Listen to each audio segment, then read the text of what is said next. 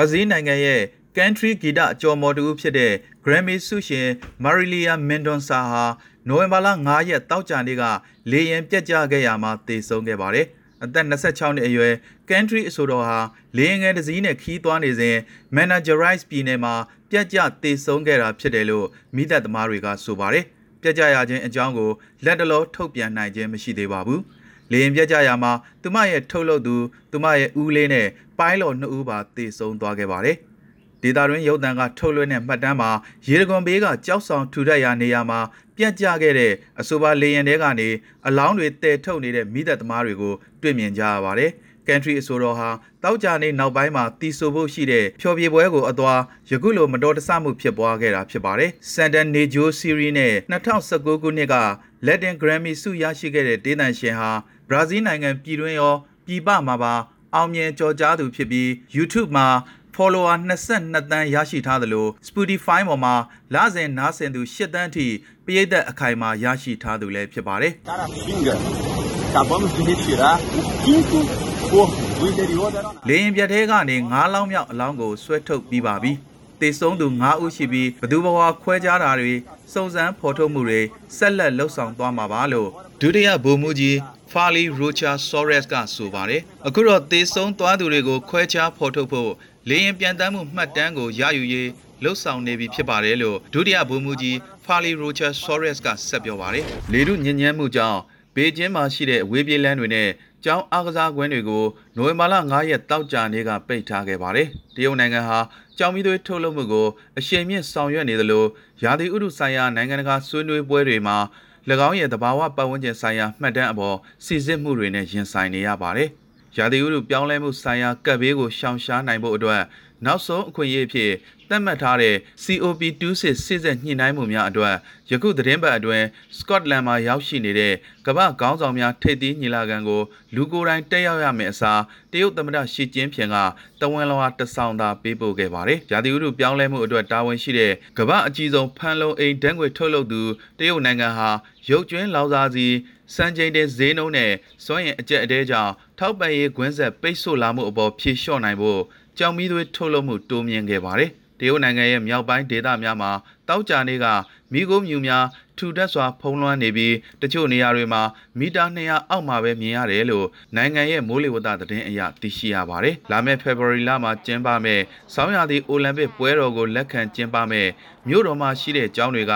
ကာယပညာသင်တန်းတွေနဲ့ပြင်ပလှုပ်ရှားမှုတွေကိုရပ်ဆိုင်းဖို့အမိန့်ထုတ်ပြန်ခဲ့ပါတယ်။ရှန်ဟိုင်း တီယန်ကျင်းနဲ့ဟာဘင်အပါအဝင်မြို့ကြီးတွေရဲ့အဝေးပြေးလမ်းမတွေကိုလည်းမြင်ကွင်းမရှင်းလင်းတဲ့အတွက်ပိတ်ထားခဲ့ရပါတယ်။တောက်ကြနေရဲ့လေထုညဉ့်ညမ်းမှုဟာပြည်သူအများစုအတွက်ကျန်းမာရေးနဲ့မငြိညွတ်ဘူးလို့သတ်မှတ်ထားတဲ့အဆင့်ကို ရောက်ရှိလာခဲ့တယ်လို့ပေကျင်းမှာရှိတဲ့ American တန်ယုံရဲ့စောင့်ကြည့်ရေးစခန်းတစ်ခုကဆိုပါတယ်။ အမုံအမွားပါဝင်မှုပမာဏ PM2.5 အဆင့်ဟာအဆုတ်ထဲကိုနှက်ရှိုင်းစွာထိုးဖောက်ပြီးအသက်ရှူလမ်းကြောင်းဆိုင်ရာယောဂဖြစ်ပွားစေနိုင်တဲ့230အဆင့်ကိုရောက်ရှိနေပြီး WHO ကသတ်မှတ်ထားတဲ့ရှိတဲ့ပမာဏ15ထက်အများကြီးကျော်လွန်နေပါတယ်။ဘေကျင်းမှာရှိတဲ့အာနာပိုင်တွေကအဆိုပါလေထုညဉ့်ညမ်းမှုအတွက်စိုးဝါးတဲ့ရာသီဥတုနဲ့ဒေသဆိုင်ရာညဉ့်ညမ်းမှုတွေကြုံကြိုက်သွားခြင်းလို့ အပြစ်တင်ခဲ့ပြီးမိโกမြူတွေဟာအ ਨੇ ဆုံးစနေနေ့ထိအောင်ဆက်လက်ရှိနေနိုင်တယ်လို့ပြောကြားခဲ့ပါတယ်။တရုတ်နိုင်ငံဟာ၎င်းရဲ့စွမ်းရည်လိုအပ်ချက်60ရာခိုင်နှုန်းကိုကြောင်မီးသွေးမီးရှို့ရာကနေထုတ်လုပ်ပါတယ်။အိန္ဒိယရဲ့ကိုဗစ်ဒဏ်သင့်ရုပ်ရှင်ရုံတွေဟာ အွန်လိုင်းကြည့်ရှုခြင်းဝန်ဆောင်မှုတွေများလာတဲ့အရေးကနေကာကွယ်ဖို့နဲ့ရုပ်ရှင်ရုံတွေစီပေးသက်တွေကိုပြန်လည်ဆွဲဆောင်နိုင်ဖို့အတွက်နိုဝင်ဘာလ9ရက်တောက်ကြနေ့မှာ Bollywood Action ဇာတ်ကား Surya Vanshi ကိုရုပ်ရှင်ရုံတွေမှာစတင်ပြသခဲ့ပါတယ်။ကယောဂစတင်ဖြစ်ပွားလာချိန်မှာတင်းကျပ်တဲ့ lockdown စီမင်းတွေနဲ့2020ခုနှစ်မက်လာကစပြီးရုပ်ရှင်ရုံတွေကိုပိတ်ထားခဲ့ရာကခဏပြန်ဖွင့်ပေးခဲ့ပြီး အေဗီလာမှာအကြီးအကျယ်ကူးဆက်ပြန့်ပွားလာချိန်မှာပြန်လည်ပိတ်သိမ်းခဲ့ရပါတယ်။စီယန်အင်းကုမ္ပဏီအီဝါရဲ့အဆိုအရ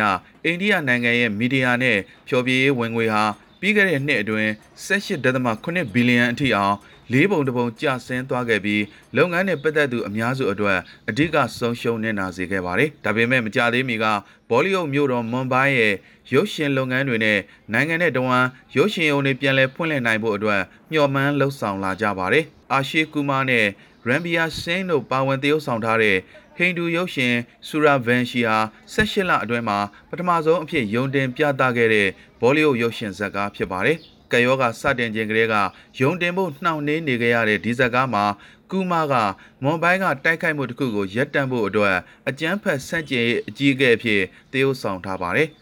box office မှာတော့ဒီဇက်ကားရဲ့စွမ်းဆောင်ရည်နဲ့ကမ္ဘာအတိုးတက်ဆုံးရုပ်ရှင်ဈေးကွက်မှာရှိတဲ့ရုပ်ရှင်အုံတွေမှာပရိသတ်တွေပြန်လဲစုဝေးလာကြမလားဆိုတာကိုစမ်းသပ်မှုတစ်ခုအဖြစ်မြင်တွေ့ကြရမှာဖြစ်ပါတယ်။ဒီဇက်ကားကရုပ်ရှင်လုပ်ငန်းအတွက်အလွန်အရေးကြီးပါတယ်လို့နိုင်ငံရဲ့ဒုတိယအကြီးဆုံးရုပ်ရှင်ယုံ Inox ရဲ့အကြီးအကဲ Rajendra Singh Jeyala က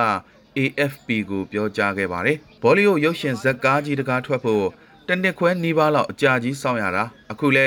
နောက်ဆုံးတစ်နှစ်ခွဲကြာပြီးတဲ့နောက်မှာရုပ်ရှင်ကားကြီးတကားထွက်လာတယ်အဲ့ဒါကလည်းစူရီယာဝန်ရှီလိုဇက်ကားမျိုးပါဒီမှာလူအုပ်ကြီးပိတ်နေတယ်ဒီလိုမျိုးကြီးမားတဲ့လူအုပ်ကြီးကိုမမြင်ရတာကြာပြီလို့ဘောလီဝုဒ်ပြေးသက်တူဖြစ်တဲ့စီကန်ဒါကဆိုပါတယ်ရုပ်ရှင်ကြီးထွက်လာတာပဲဆိုပါတော့ဒီမှာမိသားစုတွေအများကြီးလာကြည့်ကြတာတွေ့ရတယ်လူတွေကကလေးတွေကိုပါခေါ်လာကြတယ်ဒါကမိသားစုဖြုတ်ရေးဇာတ်ကားမျိုးလေမိသားစုတွေအပန်းဖြေရုပ်ရှင်ကြည့်ဖို့ပေါ့လို့ရုပ်ရှင်လာကြည့်တဲ့ ကီရှောချိုင်နာနီကဆိုပါတယ်နိုဝင်ဘာလ၄ရက်ကြာသပတေးနေ့ကဂွာတီမာလာမြို့တော်မှာလက်နက်ကင်လူရဲမှုအတွင်းအသက်60အရွယ်ဂျာမန်ဆီယာမ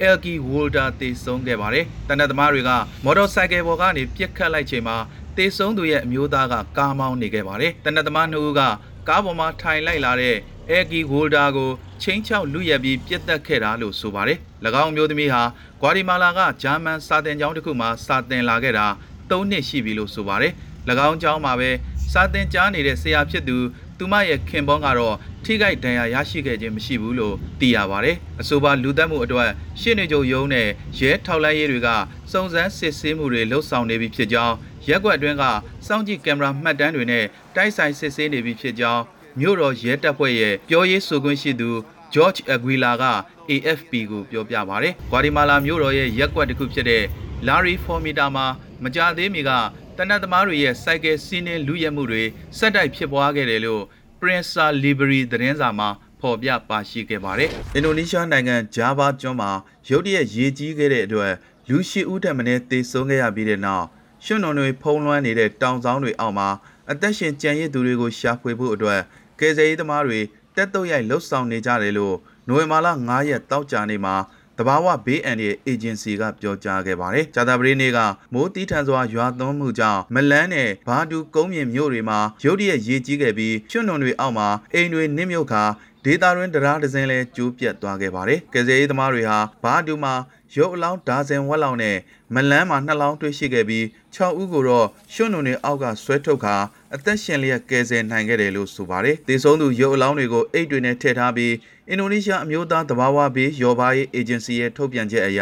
ဘာဒူမှာနောက်ထပ်ပျောက်ဆုံးနေတဲ့လူများစွာကိုရှာဖွေနေဆဲဖြစ်တယ်လို့ဆိုပါတယ်။အခုထိအောင်ပျောက်ဆုံးနေသူ3ဦးကိုရှာဖွေနေဆဲဖြစ်တယ်လို့အေဂျင်စီရဲ့ဥက္ကဋ္ဌအက်ဗ်ဒူမူဟာရီကထုတ်ပြန်ချက်မှာဖော်ပြခဲ့ပါတယ်။စက်တင်ဘာလကစတင်ခဲ့တဲ့မိုးရာသီအတွင်းအရှိတောင်အာရှကျွန်းစုတဝမ်းမှာစိုးဝါးတဲ့မြေပြိုမှုနဲ့ရုတ်တရက်ရေကြီးရေရှမ်းမှုတွေအဖြစ်များခဲ့ပါတယ်။တဘာဝဘေးအန္တရာယ်တွေဟာ တစ်တော်ပြုံးတိမှုရောဘာတက်တာစေရေးအစီအစဉ်တွေညံ့ဖျင်းမှုကြောင့်ဖြစ်ပွားလေရှိကြောင်းတဘာဝပတ်ဝန်းကျင်ထိန်းသိမ်းရေးသမားတွေကဆိုပါတယ်။ပြီးခဲ့တဲ့လကဆူမာတရာမှာပြင်းထန်တဲ့မှုန်တိုင်းတန်ကြောင့်မြေပြိုခဲ့ရမှာလူ9ဦးသေဆုံးခဲ့ပါတယ်။အေဗီလာအတွင်းကလည်းအပူပိုင်းမှုန်တိုင်းဆာရိုဂျာကြောင့်အင်ဒိုနီးရှားအရှေ့ပြားမှာရှိတဲ့ကျွန်းစုတွေနဲ့အိန္ဒိချင်းတီမောလက်စတီတို့မှာလူပေါင်း200ကျော်သေဆုံးခဲ့ရပါတယ် Saat pulang saya nggak bisa masuk dan suami masih အလုတ်ကနေပြန်လာတော့ နေတဲ့စီကိုမသွားနိုင်တော့ဘူးကျမသားတွေကအိမ်မာလေအဲ့ဒါအရန်စိတ်ပူပြီးဘာမှမပြောနိုင်လောက်အောင်ဖြစ်သွားတယ်လို့